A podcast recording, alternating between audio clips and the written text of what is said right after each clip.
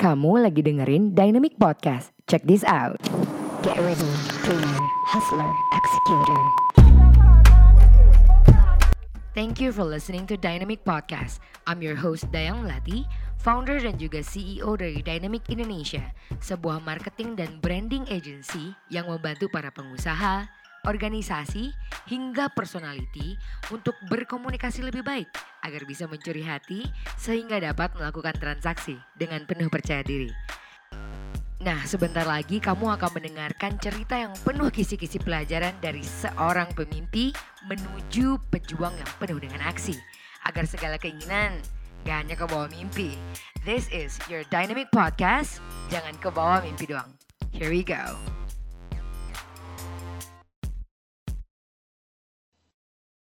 Hi, welcome back, people. This is Dynamic Podcast with your host Dayang Melati. Uh, Dynamic Podcast, jangan ke bawah mimpi doang. This podcast empowered and supported by Dynamic Indonesia, sebuah digital marketing dan branding agency.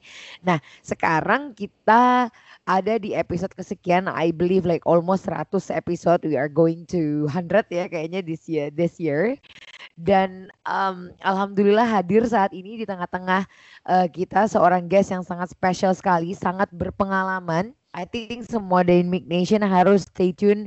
Aku nggak tahu nih kalian lagi dengerin podcast ini mungkin lagi lari, lagi di mobil ataupun lagi nunggu antrian ya.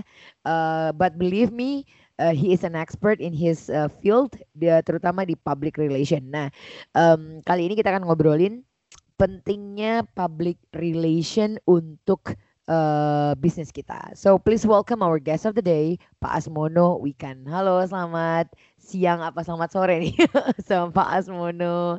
Apa kabar Halo, Pak? Halo juga, ya. Selamat sore wow. juga. Dan apa lagi? Apa namanya? Sebutannya apa? Kalau name-nya apa? Apa Pak? Dynamic Nation. Dynamic, Dynamic Nation. Nation. Oke. Okay. Hai Dynamic Nation di mana pun kalian berada. Salam kenal, saya Asmono Wikan, CEO dan founder PR Indonesia Group senang bertemu di forumnya Dayang ini di podcastnya wow. Dayang. Iya Pak, makasih banyak loh Pak udah hadir di Dynamic Podcast. Nah, undangannya, makasih banyak undangannya, makasih. Oh, kita kita Pak yang makasih seorang Pak Asmono yang sibuk ini baru balik dari Jakarta ya Pak ya. Sekarang lagi di mana Pak? Di Jogja. Uh, kemarin saya tinggal Jogja, jadi sempat ke Jakarta sebentar beberapa hari ada uh. event uh, uh, PR Indonesia Award tahun 2021 ini. Oke. Okay. Ya. Tapi ini PR uh, perusahaan Bapak sendiri ini di mana, Pak? Di apa tuh namanya? Apakah base-nya di Jogja atau di Jakarta, Pak? Jakarta. Ya. Di mana, Pak, base-nya? Ah, di Jakarta, Jakarta. Oh, Jakarta. Oke, okay. wow, that's amazing. Nah, gimana nih Pak? Kalau gitu, kalau kita tanya-tanya nih Pak ya uh, ke Bapak untuk saat ini, bagaimana sih Bapak pertama-tama kali berkecimpung di PR gitu kan? Biasanya kenapa nggak jualan uh, apa gitu atau apa sih backgroundnya sampai ke PR Indonesia Group ini Pak? Silakan Pak. Oh iya, uh, Dayang dan Dynamic uh, Nation uh, sebenarnya saya ini kan latar belakang saya bukan PR murni ya. Saya, saya itu latar belakangnya sebenarnya uh, uh, pendidikan saya itu ke memang komunikasi uh, kemudian dari komunikasi yang komunikasi yang lebih ke arah uh, development uh, people gitu. Ya apa ya? Dulu namanya dulu namanya program studi komunikasi pembangunan gitu kalau tidak salah wow. penerangan, penerangan. Di okay. beberapa university itu namanya di IPB Bogor misalnya namanya komunikasi pembangunan. Di kampus saya di Ponorogo uh, University di Semarang namanya uh, program studi komunikasi penerangan. Lalu saya jadi jurnalis di Jakarta.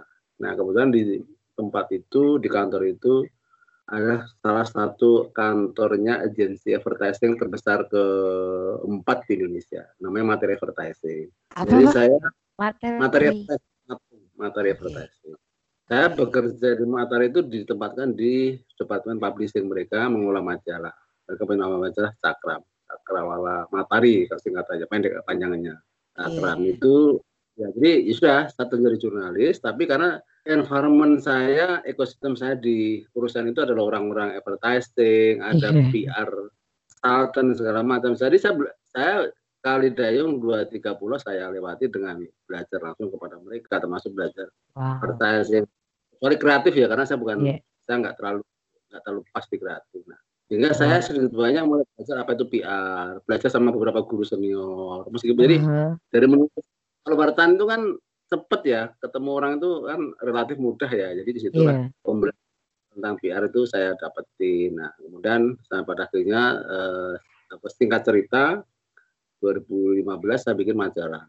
Namanya majalah PR Indonesia. Lalu bisnisnya berkembang. Ada ini, ada konsultansi, walaupun belum terlalu banyak yang konsultansi, tapi eh, embrio itu sudah mulai beberapa kebutuhan klien juga sudah mulai. Kemudian Heeh. eh, apa, ada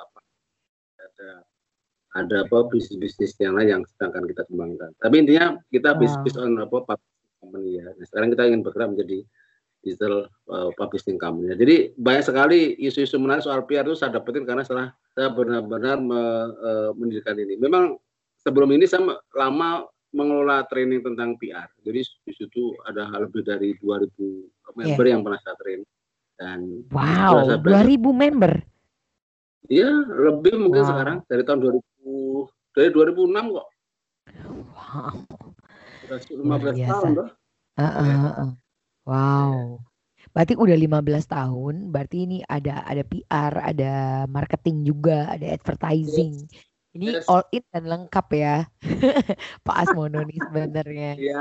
Pantesan ada grupnya. Kalau grup kan berarti ada beberapa fitur bisnis ya. Tadi Bapak sebutin ada beberapa ada PR apa transportasi ya Pak ya. Apalagi Apa, sekarang Pak? fitur bisnisnya Pak? Apa Ya, ya nomor satu yang yang bisnis utamanya ya di publishing company. Kan kita saya lahir memang dari dunia jurnalisme ya. Saya saya, berke- saya, saya besar dari dunia jurnalisme. Jadi saya me- membangun itu. Embryonya kemudian sebelum bikin majalah ini bikin majalah PR Indonesia itu ya kita bikin melalui melalui company lain saya saya mengelola sebuah training yang itu berkelanjutan dari 2006 sampai 2014 tahu-tahu udah 2000 aja orang yang pernah ikut training kita gitu kan Nah, lalu saya bikin, kalau saya bikin majalah, kenapa bikin majalah? Karena mau saya, bisnis kan harus berasal, membangun bisnis itu harus membangun ekosistem. Iya, betul. Betul Kalau sekali. bisnis nggak bangun ekosistem atau nggak punya ekosistem, nggak akan tumbuh bisnisnya. Nah, itulah yang saya bangun, saya bangun sejak enam tahun lalu. Ekosistem PR itu kan mungkin sudah ada, tapi kan terus terus ke sana sini, sana sini, sana sini kan. Iya, Organisasi iya, juga iya. udah ada ini, ini, itu, ini, itu. Iya. Nah, tapi nggak ada yang tanda kutip, quote unquote itu eh, mendevelop sebuah ekosistem. Nah, saya masuk, tujuan besar saya adalah sama teman-teman adalah para pendiri majalah ini adalah kita bikin ekosistem eh, industri ini supaya berkembang. Sehingga yang kita servis nggak cuman eh, cuman apa, cuman news, Iya. pemberitaan. Ada trainingnya, kita bikinkan forum-forumnya. Saya bikin forum banyak sekali di dalam Wow. mereka dari forum itu kan terjadi bisnis ya antara mereka juga kan. Mereka saling berkembang. Oke. ada forumnya bersama agensi PR ada forumnya bersama teman-teman dari korporasi teman-teman Iya. dari asosiasi dari lembaga pemerintah segala macam. Nah kemudian kita bikin awardingnya kita bikin konsultasi eh, coaching coachingnya dan segala macam. Jadi sebenarnya dari ekosistem karena kalau cuman bikin media bikin media terus eh, begitu aja ya nggak berkembang. Nggak bisa mendorong industri ini berkembang. Oh, oke. Tadi Bapak ngomongin ya bisnis itu supaya berkembang harus membuat ekosistem. Dan tadi Bapak di, di bisnis Bapak sendiri udah uh, membayangkan oh ada beberapa hal dari dari background dan segala macam. Kalau menurut Bapak nih, let's say ini kan kebanyakan pendengar Dynamic Nation nih sebenarnya early in the business ya Pak ya. Mereka baru buka bisnis atau sekarang lagi menjalankan bisnis dan ingin scale up bisnisnya.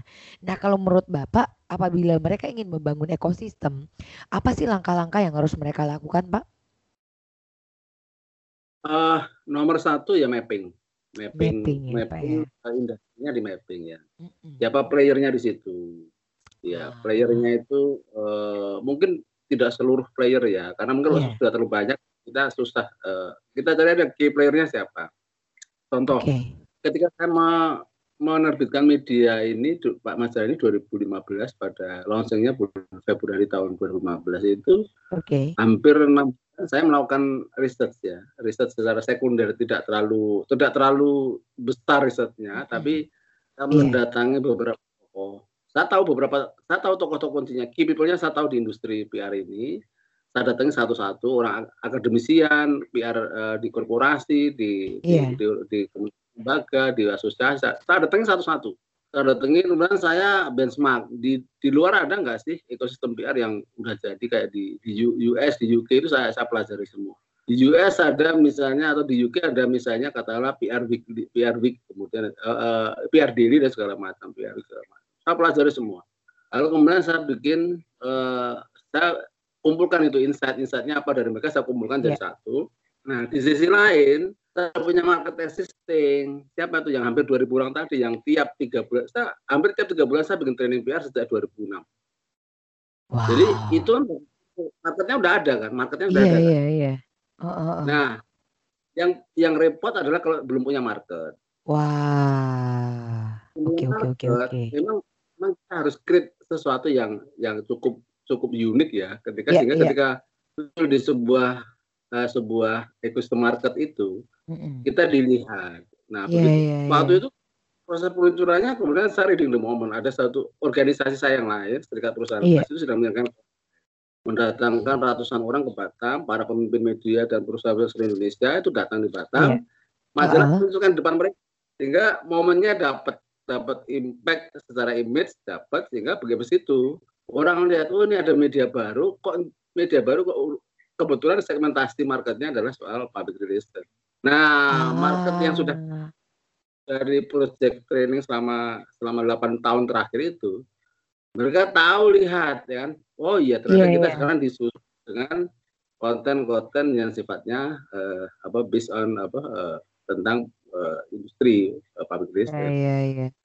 Nah, bagi mereka yang belum eh, belum dapat eh, ekosistemnya ya nomor Iya. satu jadi harus harus harus bikin movement minimal kalau nggak movement bikin sesuatu yang unik Ya. nah, supaya unik kan supaya dilihat orang kan dilihat orang nah, Ya. kemudian tarik kumpulnya misalnya contoh paling mudah kan misalnya industri apa sawit misalnya kelapa sawit Iya iya. Ah, kan ketahuan siapa saja cari tahu Rasul Ah. aja mereka yang sudah ada cari tahu apa yang sudah ada yang belum harus cari sesuatu yang memang masih dibutuhkan tapi belum ada apa nah Ah. kemudian kita jahit dari mereka kita jahit kita jahit kemudian lalu kita kita lakukan eh, simulasi ke market bikin produk lalu lempar produk itu ke market sehingga nggak nggak wasting apa, time dan money juga lempar gitu aja tanpa ada studi nah lama-lama pada saat proses berjalan Iya. Nah, di situlah kemudian kita eh, getting apa eh, para key people tadi untuk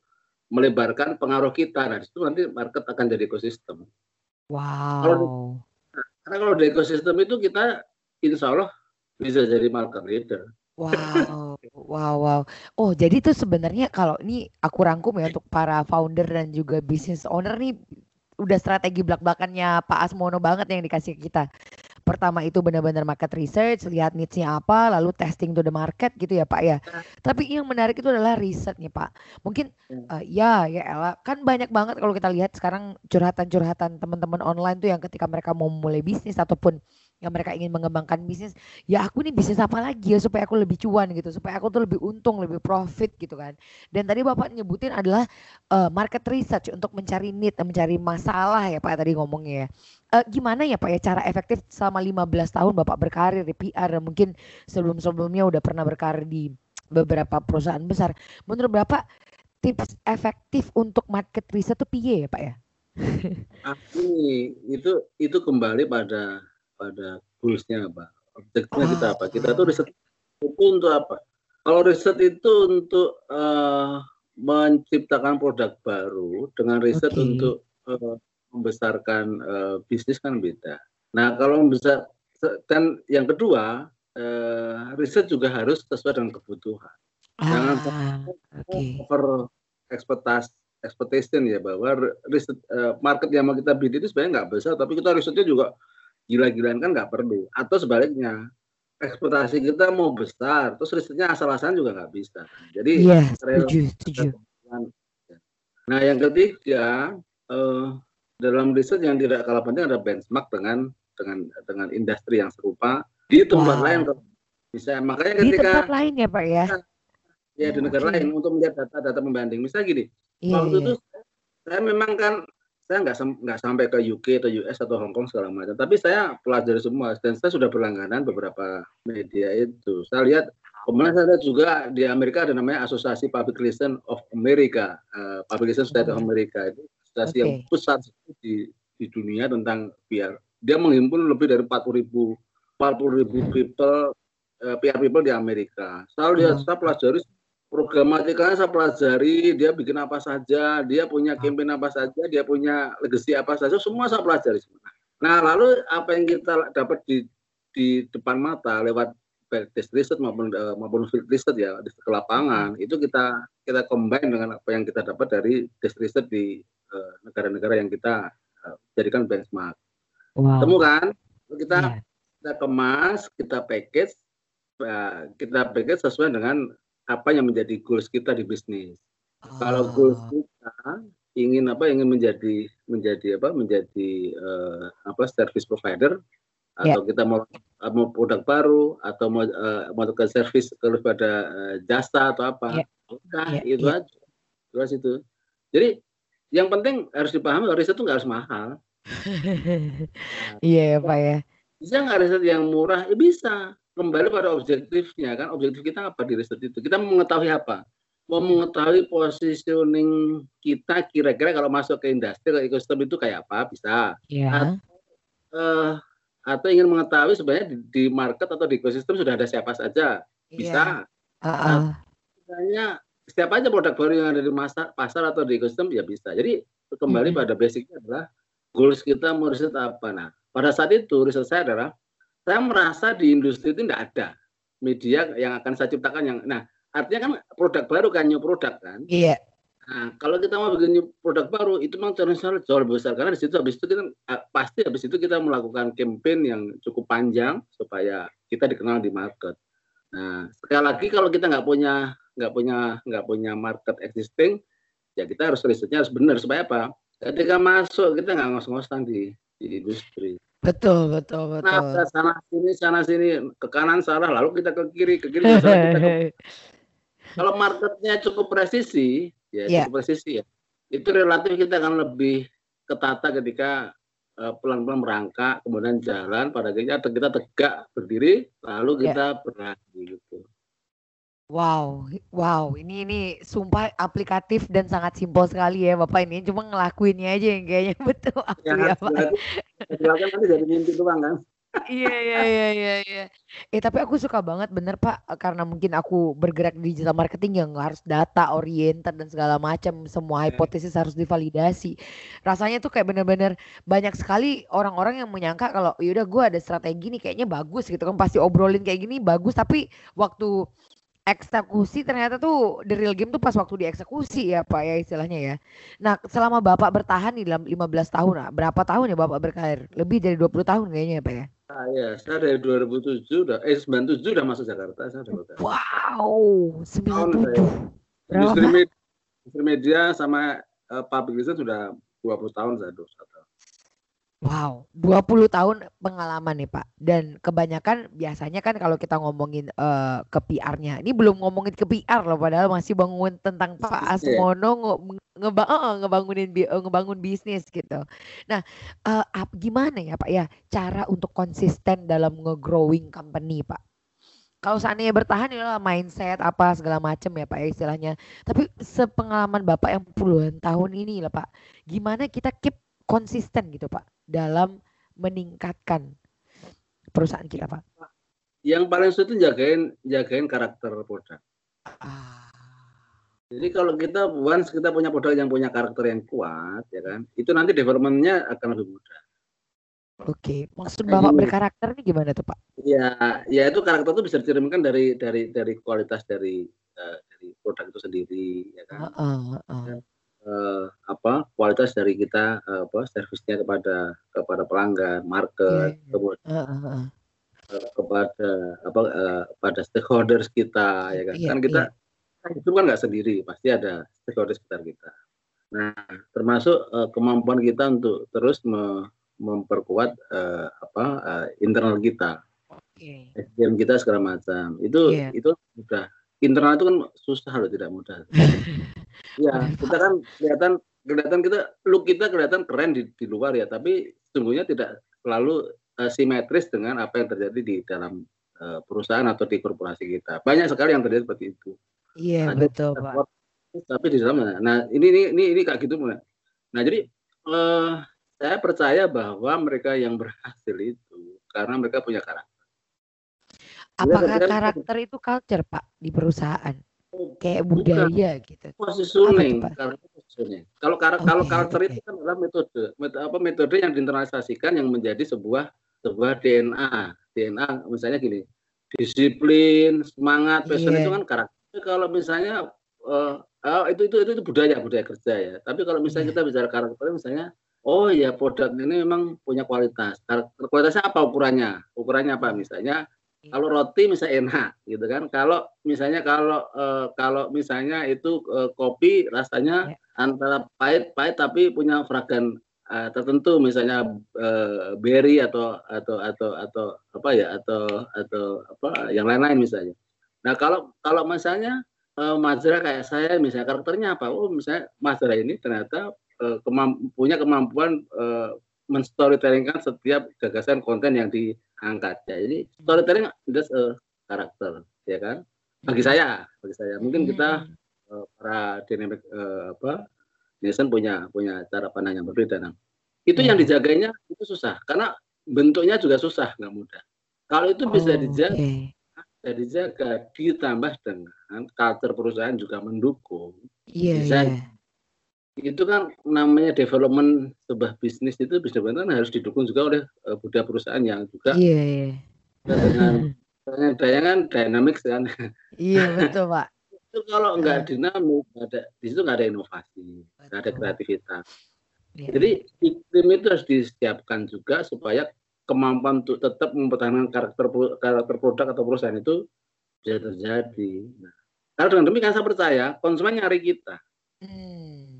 Nah, setidak-tidaknya konsumen tidak lupa tentang produk kita, tidak lupa kepada servis kita. Nah, Iya. kalau itu terjadi nyaman bagi kita. Apalagi misalnya kita ini relatif tidak punya kompetitor, walaupun sebenarnya tidak punya kompetitor juga nggak sehat, karena Iya, kita nggak punya makan Iya, betul. industri. Seolah-olah kita benar terus, padahal kita banyak salah. Jadi di atas semua hal yang mungkin jadi perspektif kita tentang eh, tentang pengembangan bisnis eh, supaya Ah, ah. menjadi tetap habis di market, menurut saya karakter produk itu nomor satu. Oh. Anda itu produk itu punya karakter nggak sih? Ah, produk kaleng-kaleng, misalkan kita sudah dengan produk Iya. kaleng-kaleng. Itu Iya. kalau ka- punya karakter pasti bukan produk kaleng-kaleng. betul, betul, betul. Tidak juga selalu harus premium, nggak juga. Iya, iya. Kan? Karena premium itu berarti kesannya kan mahal, luxury segala macam. Premium Iya. tapi kalau nggak ada yang beli kan juga percuma juga. Tapi kalau dia punya karakter pasti produk itu ada di positioning di market dia kuat, dibutuhkan orang. Nah itulah produk yang berkarakter bisa diterima oleh market, ya kan? Hmm. Dengan eh, apa? Dengan eh, eh, dengan konteks yang relevan. Jadi selalu relevan dia di pasar. Iya, Belum iya, belum. iya, iya. Berarti produk itu eh, apa ya? eh, produk itu apa, eh, mudah dengan berubah, tapi perubahan itu kan karena mengejar relevansi pada kebutuhan market yang dinamis itu. Iya, iya, iya, iya, iya. Oh, wow. Em, aku ngerasa sih yang tadi Bapak omongin itu emang real life ya, Pak ya. Emang iya, seperti itulah adanya gitu kalau kita ingin bertahan positioning, terus culture dan dan berbagai macam aspek yang harus kita lihat untuk stay in the market. Bahkan nggak ada kompetitor pun juga sebenarnya nggak bagus ya, Pak ya. Bagus, bagus. Iya, betul, betul, betul, betul. Mantap. Saya jadi sunyi ekosistem Iya, iya. industri kita nggak, eh ini siapa yang mau kita rujuk ya? Oh, wow, amazing. Pak, saya pengen tanya deh, Pak. Eh, kita langsung ke PR Indonesia Group ya, Pak ya. Sebenarnya apa sih masalah yang diselesaikan di market oleh PR Indonesia Group ini, Pak? Dari nol ketika membangun perusahaan ini, membangun bisnis di Indonesia Group ini, saya bilang bahwa tujuan besar kami, besar kami, our dreams adalah mendorong agar PR itu diletakkan dalam fungsi strategis bagi, man- strategis bagi manajemen. Wow. Mudahnya Oke. gini, PR itu tidak di tidak di kakinya manajemen, tapi Uh-uh. di leher. Leher. Karena kalau Di dia ada leher ya, Pak leher, itu di atas pun di atas pundak loh kira-kira gitu kan ya. Iya, iya, iya. Heeh. Bukan anu, bukan eh, kepala, pundak, lutut, kaki, bukan apa kaki nggak boleh. Iya, iya, iya, benar. Nyanyian Oke. zaman kecil saya dulu kan gitu. Iya, Kepala, iya. pundak, lutut, kaki. Nah, PR itu ada di ke- kepala itu bos, CEO, gubernur, bupati. Nah, Iya. PR itu ada di atas pundak minimal ya minimal pundak atau di leher. Supaya apa? Touching dia kepada manajemen itu eh, mudah. Accessibility-nya kepada manajemen itu eh, ada.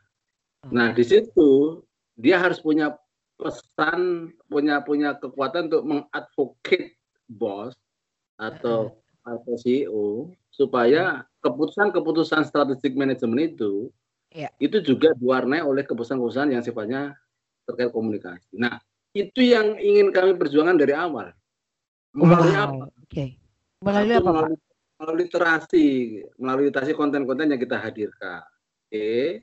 Tiap Oke. bulan kami terus menerus, nah apalagi sekarang kami punya punya punya apa versi digital segala macam sehingga punya punya apa punya sosial media kami sangat aktif sekali terutama di Instagram kami Iya. yaitu itu literasi lah situ kemudian exercise dan training train Iya. training Iya, yang iya. ketiga melalui apresiasi. Kami hargai, kami undang mereka untuk kompetisi. Ngukur supaya pencapaian masing-masing programatikal PR dari korporasi, Iya. kementerian, lembaga, daerah itu udah di level yang mendekati standar yang kami impikan untuk strategic level tadi enggak. Oke, oke. Ada coaching, ada konsultasi segala macam. Itu semua adalah adalah metode-metode yang kami tawarkan kepada market untuk Uh-uh. mengajarkan berada pada sisi leher tadi. Iya, iya, iya. Karena posisinya di Iya. leher ya, Pak ya? Kan nggak mau jadi kepala, kepala kan bos-bosnya di atasnya CEO kan, begitu kan? Iya, iya, iya, iya. Jadi PR harus ada di fungsi itu. Hmm. Dengan demikian, dia harus diajak terlibat pada setiap eh, pengambilan kebijakan-kebijakan strategis. Jangan sampai gini, manajemen melem- melempar isu ke market, ke ekosistem, ke publik. Heeh. Responnya negatif. Lalu PR-nya diundang. Eh Pak Semono, Anda kan Anda kan corporate PR kami. Tolong diberesin tuh. Nah, itu pemadam kebakaran. Iya, iya, iya, iya, iya. Itu dimuat di Tribun Pontianak misalnya. Iya, Atau di iya, mana? iya. Loh, Pak, saya nggak tahu isu itu apa tadinya. Iya, kan kami iya. di corporate PR kan nggak pernah diajak rembukan sama sama manajemen. Kalau tiba-tiba kami harus memadamkan api yang tersulut bukan sumbernya dari departemen eh, eh, komunikasi atau PR. Nah itu kesan-kesan seperti ini kan klasik sekali, banyak sekali terjadi. PR menjadi pemadam kebakaran dan itu udah bukan masanya lagi. Itu sudah 40 tahun lalu kira-kira. Ya, Harusnya. kayak gitu ya, Pak ya. Berarti sekarang target marketnya marketnya PR Indonesia Group ini siapa Pak? Apakah perusahaan besar ataukah eh, bisnis-bisnis yang sekarang lagi growing itu membutuhkan PR juga? Kalau menurut Bapak gimana? siapa pun yang ingin belajar menjadi PR profesional adalah target market eh, kami. Termasuk mereka, siapa pun itu dari company yang besar, mau menengah, mau kecil, mau mau startup. Kalau mereka apa? Karena kami ciptakan ekosistem. Karena di tempat, karena begitu mereka join di salah satu saja. Iya. Contoh gini, kemarin kita ini lagi keren, lagi lagi keren, lagi keren-kerennya anak-anak sekarang yang pakai apel keruak kan, ada Iya, clubhouse iya, kan ya. iya. Iya, iya. Nah. Clubhouse. Iya, betul. Nah, itu itu eh, saya minta anak-anak di kantor misalnya yang umurnya di bawah 30 kan, eh, notabene Iya. mereka adalah kan. Eh, itu deh coba eh, kita coba test the water aja. Bikin satu story tentang gini. Apa sih eh, apa apa sih yang dipikirin PR terhadap wartawan gitu kan?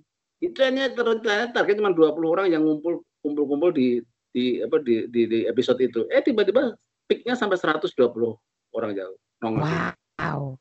Ya, itu, itu itu itu itu petanda bahwa kami sudah jadi ekosistem bukan lagi Iya, semata iya. sebagai media media yang ansih ya media massa saja. Karena Heeh. di situ kan kalau di, soal profas ngomong soal apa saja kan itu kan eh, cerita apa itu memang metode apa cerita berbeda. Tapi yang mau sama bilang bahwa kalau teman-teman ingin menambah eh, jaringan, menambah wawasan, kompetensi, skill, mau scaling up apa, eh, apa kompetensinya atau mau sekedar pengen menambah apa wawasan literasinya ya boleh silakan nanti join di di salah satu atau berbagai aktivitas kami. Kami juga terus wow. siapa pun untuk sama-sama berkembang. Kami juga contoh begini misalnya. Sekarang ini sedang isu yang sedang saya sama teman-teman kembangkan ada soal pengukuran. Orang punya programatikal PR itu kan harus diukur, ya kan? Iya betul. Uh -huh. kalau nggak ada measurementnya nanti kan gimana? Nah betul. sekarang ya, tren ngukurnya hanya sekedar dari pendekatan advertising values. Padahal kalau kita bicara public relations itu ada standar-standar dari uh, dari Barcelona apa rules AMEC itu yang kita pakai. Nah yang kayak gini-gini adalah upaya kita untuk mohon maaf untuk mendorong PR itu benar-benar ada dalam level yang yang semestinya kan. Nah, ya. jadi ini yang yang hal seperti ini yang akan bisa menggerakkan. Kami juga bikin gerakan misalnya sebelum rame-rame hoax ini tahun 2017 kita udah bikin campaign PR. Indonesia no hoax dan segala macam. Kita bikin yeah, event yeah. di iya. Bali. Di yeah. Bali mengundang ada hadir ada 700 orang praktisi PR di seluruh Indonesia. Kita sama-sama gaungkan bahwa apa no hoax, no fake news, whatever. Nah, sekarang sejak corona gini, waduh gila-gilaan hoax ya kan. Tapi kita aja untuk mau gerakan seperti ini membuat bisnis menjadi sustain karena apa bisnis itu kemudian dibutuhkan benar tidak hanya yang kita kejar kan nggak hanya bisnisnya semata oh iya bisnis ya. itu ya penting tapi membangun ekosistem untuk mendukung proses bisnis berkelanjutan itu juga hal yang luar biasa penting dan itu karena dilupakan hmm. kalau seandainya fungsi utama dari public relation dari sebuah perusahaan itu apa sih Pak sebenarnya? Fungsi Banyak. utamanya banget kan tadi Bapak ngomongin realisasi ya. ya tadi ya ke bawah. Tapi kan kebanyakan kalau kita lihat di film-film tuh kan kebanyakan oh iya eh, perusahaannya bikin masalah ya wes akhirnya PR-nya yang bekerja gitu kan. Kita kebanyakan masyarakat umum kan mikirnya gitu gitu. Kalau menurut Bapak gimana tuh? Itu yang saya bilang tadi sebagai pemadam kebakaran. Ah, ah, ah, ah. Iya, iya, iya. Oh, oh, saya ditulis di, di di Tribun atau di apa di Pontianak Post atau apa atau di Kompas atau di Metro TV atau di mana kan dibiarkan diberitakan gini. Padahal kan saya nggak melakukan pencemaran sungai itu gitu. Iya, iya. Nah, eh mana PR-nya dipanggil? Pak Asmono budaya ayo kita beres. Tolong diberesin itu. Nah, ini mana kebakaran nah PR yang benar itu dia harus paham bahwa di sisi pertama dia harus memahami bahwa tidak seluruh kegiatan komunikasi itu untuk hal yang sifatnya good guys.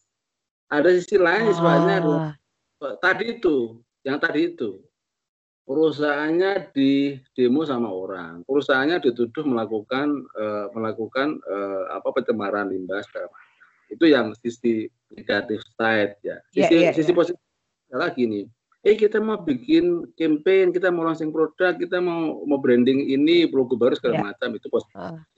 Dua-duanya ini harus jadi satu kesatuan. Nah, uh. oleh karena itu uh. Tugas utama PR yang pertama itu, walaupun sekarang banyak teman-teman dari dari industri apa ya keahlian public affairs mengatakan sebagai isus manajemen ya itu apa, harus isu manajemen, manajemen isu. Ah, isu manajemen. Oke, oke, oke, oke, oke. Nah, awal PR di atas seluruh kegiatan yang akan dilakukan itu adalah melakukan monitoring isu atau isu uh. manajemen. Oke. Okay. Kenapa itu diadakan? Kapan diadakan? Di setiap situasi diadakan. Mau damai, mau situasi situasi yang tidak damai diadakan. Untuk apa? Untuk memitigasi potensi-potensi isu yang berdampak negatif pada perusahaan di masyarakat. Oh semakin semakin terdeteksi isu dengan mudah dengan jelas maka semakin mudah penanganannya. Nah itu sisi negatifnya tadi. Sehingga yeah, sebelum yeah, yeah, yeah.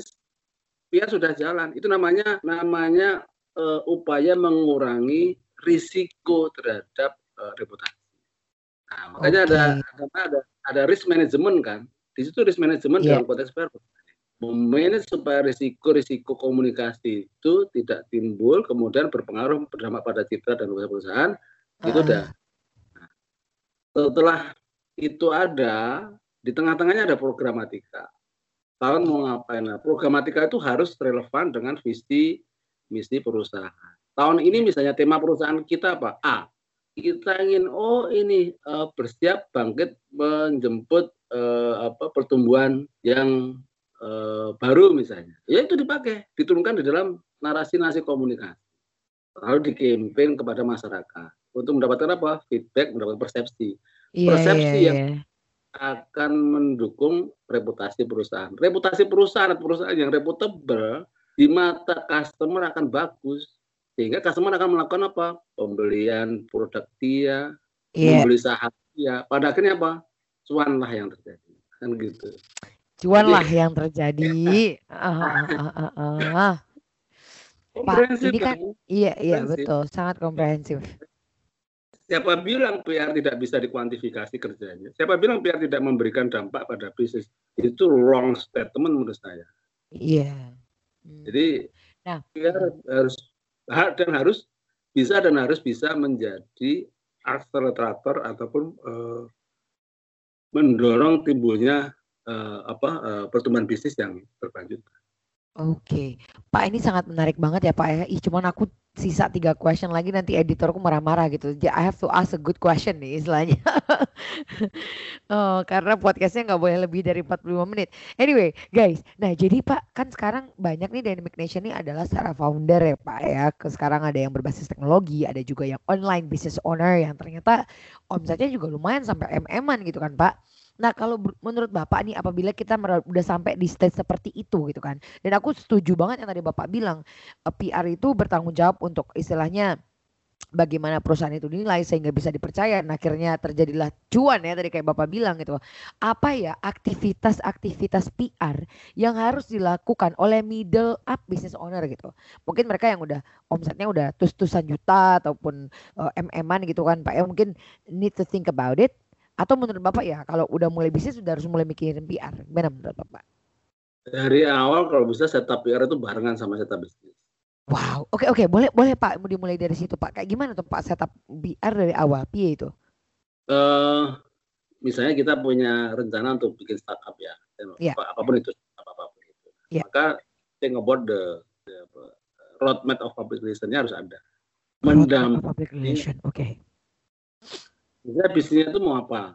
Oh target kita ini adalah Gen Z sama Gen milenial, ya, Iya. di bawah 25 years misalnya. Iya, Nah siapa kita? Ada di mana? Oh di di urban, ya kan? Urbannya di mana? 10 kota. 10 kotanya kayak apa? Eh, Kayak hidupnya segala macam. Oke. iya, dapat itu sudah roadmap Oke. eh, mark- roadmapnya dapat. Nah kita mungkin apa? Oh produk produk apa? Produk lifestyle apa ini Iya. ada segala macam.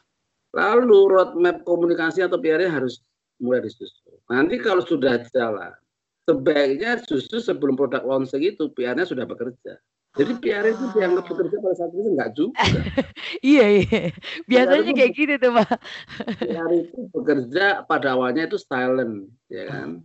Oke, oke. ya tidak kelihatan tetapi begitu nanti ada ada ada sebuah eh, sebuah move dari perusahaan produk launching lah atau ya kalau yang yang negatif saya tadi adalah ada krisis lah ya saya udah- di situ berat muncul hasilnya muncul sebenarnya PR itu kan nggak perlu muncul secara personality kepada publik tapi Iya. di balik itu dia bekerja kenapa dia melakukan negosiasi melakukan melakukan bonding melakukan sounding ke siapa ke stakeholder segala macam untuk success story-nya dari komunikasi dari perusahaan itu. Nah, dari awal harus sama diringin itu. Nah, kalau itu baru awal. Tetapi kalau sudah terlanjur, ya kan, ya Anda harus tepat-tepat untuk membuat skema komunikasi perusahaan Anda itu eh, dari sekarang sebelum Oke. Anda kena krisis. Karena gini, nggak ada kita yang nggak nggak apa nggak nggak kebal pada krisis. Sekarang ini siapa yang kebal dengan corona? Nggak ada. Tuh. Gak ada Pak. Siapa yang menyangka corona itu lima tahun lalu akan akan akan menghajar dunia seperti sekarang? Nggak ada. Iya. Ya itu itu ya ya out of context mungkin. Tapi menurut saya tugas PR itu ada tadi isu manajemen tadi Iya, iya, iya. memitigasi potensi-potensi isu. Nah sekarang oke ini udah jalan nih perusahaan. Ada di level apa? Di level middle misalnya. Omsetnya 10 miliar setahun misalnya. Oke. Mari yang belum punya PR, Anda harus segera hiring PR tim komunikasi Anda. Nanti bisa minta nasihat dari Dayang gitu kan kira-kira gitu. Ke PR Unatan Sehat dari Dayang untuk ke PR Indonesia Group ya guys. Nah, lalu Anda kasih brief tentang rencana strategis Anda apa, renstra Anda bisa apa. Nah, itu nanti kalau PR-nya benar, PR-nya bagus, dia akan bisa menyusun renstra komunikasi. wow. Jadi didampingin sebelum terlambat Anda, sebelum turun hujan krisis, mending Anda segera hiring PR. Apa itu costly? Anda jangan melihat PR tapi investment, investasi. Seperti Anda menginvestasikan produk Anda. Kenapa Anda mau berani menginvestasikan produk Anda gila-gilaan tetapi untuk membentengi produk Anda dari potensi krisis Anda nggak berani? Iya. Karena menurut saya se sebelum Anda kejadian kena krisis itu mahalnya minta ampun. Sebaiknya Anda memelihara uh, sebelumnya Anda me, meng, apa, menyar, me, uh, investasi yang tidak terlalu mahal, tetapi kerjanya jelas. Sehingga ketika ada sesuatu, at least itu damage-nya itu nggak segede kalau Anda nggak punya kerja komunikasi apa. Setuju banget Jadi, sih Pak yang itu. Anda terlambat, yang belum punya tempatan PR atau PR people, hire dia, mereka ajak ajak diskusi, lalu kasih brief Anda apa, rencana bisnis Anda apa, kasih ke mereka kalau mereka bisa pasti mereka akan menyusun rencana dan mendampingi anda. Tadi saya bilang leher nih betul lehernya loh ini guys leher nggak ada leher nggak bisa gerak nih semuanya nggak nah, bisa napas. nggak bisa nggak bisa. Mantap mantap. nah ya. pak apa sih menurut pak Asmono? Kan sekarang juga lagi tren banget yang namanya branding ya pak ya. Personal branding dan kayak gitu-gitu. Apa sih bedanya uh, public uh, fungsi dari public public uh, relation dengan branding gitu Pak. Gimana Pak? Ya gini, ya ini kan pertanyaan ini tak ini uh, ini diskusi yang bagus banget, menarik sekali. Panjang bisa lima hari nih kalau kita. Waduh, Tapi, lima hari seminar guys. Tinggal cerita dua menit saja kira-kira gitu. Uh, branding itu uh, itu ada ada produk yang harus di harus di, di apa diletakkan di sana apa personal branding, product branding, corporate branding, apalagi uh, service, uh, branding service dan segala macam, destination, ya kan, uh, dan segala macam. Nah, tetapi yang mengerjakan seluruh aktivitas damai maupun uh, maupun akses di masa tidak damai itu itu fungsi PR termasuk menyelamatkan brand Anda ketika brand Anda itu dihajar oleh orang. Iya. Ya, itu PR. Tetapi brand membantu PR untuk meletakkan kekuatan sebuah positioning. Apakah itu positioning personal atau positioning uh, sebuah destinasi, produk atau corporate. Di mana positioning Anda itu, di situlah branding bisa dimainkan. Tetapi mengomunikasikan brand itulah tugas PR. Dan menyelamatkan brand dari potensi krisis itu tugas PR. Iya, iya, iya. Wow, ini clear banget. Lebih, lebih luas daripada branding, itu tergantung Anda melihatnya konteksnya apa. Tetapi dua-duanya punya kontribusi dan kekuatan masing-masing diletakkan pada sebuah korporasi. Jadi dua-duanya harus jalan. Nah, kalau branding Anda kuat, komunikasi Anda kuat, ah, itu dah cuan betul kira-kira. Eh, cuan degil. Oke, pertanyaan sebelum closing statementnya Pak Asmono nih, um, kalau teman-teman Dynamic Nation ataupun business owner saat ini ingin belajar PR, apa aja sih yang harus mereka pelajarin dan pastinya ke mana gitu? Silakan Pak. Yang ke mananya dulu banyak sekolah. Kalau Anda sudah nggak mudah masuk sekolah, Anda ikut aja kursus-kursus training-training. Banyak training-training tidak hanya dari PR Indonesia, banyak sekali. Nah, pilihlah Oh, tapi PR Indonesia punya ya, Pak ya? Uh, okay. Anda kira training-training yang satu itu uh, uh, pas relevan dengan apa yang Anda cari. Misalnya ah. Anda ingin mengembangkan produk supaya dikenal oleh orang, ya cari training tentang storytelling misalnya bagaimana membuat story, story, story produk Anda itu bisa lebih enak masuk ke market. Karena orang ya. sekarang itu nggak mau di ilmunya diceritain kan. Jadi ya, kalau ada iya, produk ya, bukan bukan beriklan, tetapi bagaimana market itu melihat mendengar cerita tentang produk itu dari misalnya ya viralnya sebuah cerita seorang pelanggan dari produk itu yang cerita kemudian diposting di sosmed kemudian diikuti oleh uh -uh. begitu banyak nah akhirnya produknya naik ya kan iya iya nah Eh, nggak uh, harus nggak harus training yang terlalu mahal, tapi juga training yeah. saya training dengan uh, yang pas. Gitu. Jangan hanya kejar sertifikatnya, tapi kejarlah kejarlah substansinya, kejarlah konten okay. dari training itu. Nah, kemudian apa yang harus dilakukan ya? Nomor satu adalah ada ini nasihat yang sederhana. Tadi kembali ke storytelling tadi. Ada beberapa tokoh PR senior yang saya kenal itu selalu menasihati saya gini. PR is all about storytelling tadi. It's all about Oke. story. Iya. Salah. Tugas PR adalah tan- kalau Anda belum jadi PR, tetapi ketika Anda bercerita kepada orang lain, kepada market, kepada stakeholder, itu adalah PR. You are a PR people. Kalau Iya. Anda bercerita tentang diri dan perusahaan Anda kepada siapa pun, itu sudah tugas-tugas uh, public relations. Oke. Nah, dari sederhana itu loh, cara sederhana itu, ceritakan apa yang Anda lakukan, ceritakan apa yang Anda miliki, ceritakan apa yang menjadi manfaat dari yang Anda kerjakan kepada orang lain. Oke. Karena Wow. dengan demikian orang lain akan mendengar itu dan ketika dia merasa itu itu eh, itu itu ada dia, Iya. person dia, orang itu akan dengan sukarela cerita ke orang lain melalui platform yang dia miliki. Itulah keberhasilan Anda membiarkan eh, diri Anda memproduksi. Wow. From Mhm. simple thing aja, please story about you yourself or your product to Okay. public netizen to audience. And baru anda cerita, baru anda berita yang lebih sophisticated. Iya. Nah, start from start from a simple thing aja tuh. Hmm, Telling aja. story apa ya? Berarti. Learn how to tell a story.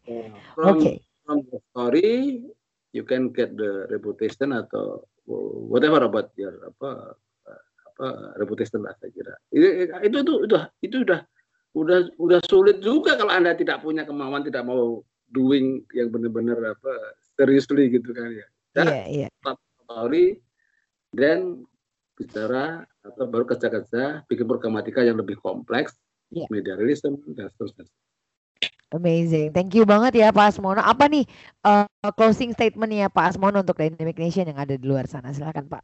Ya, Dynamic Nation eh, di mana pun anda berada eh, saya Asmono Wikan eh, founder dan CEO Indonesia eh, pengen mengajak anda untuk eh, melihat bahwa public public relations atau PR itu ada sebuah hal yang sangat penting dimiliki dan dilakukan oleh siapa pun. Even anda seorang eh, pribadi individu aja anda juga butuh itu. Kenapa?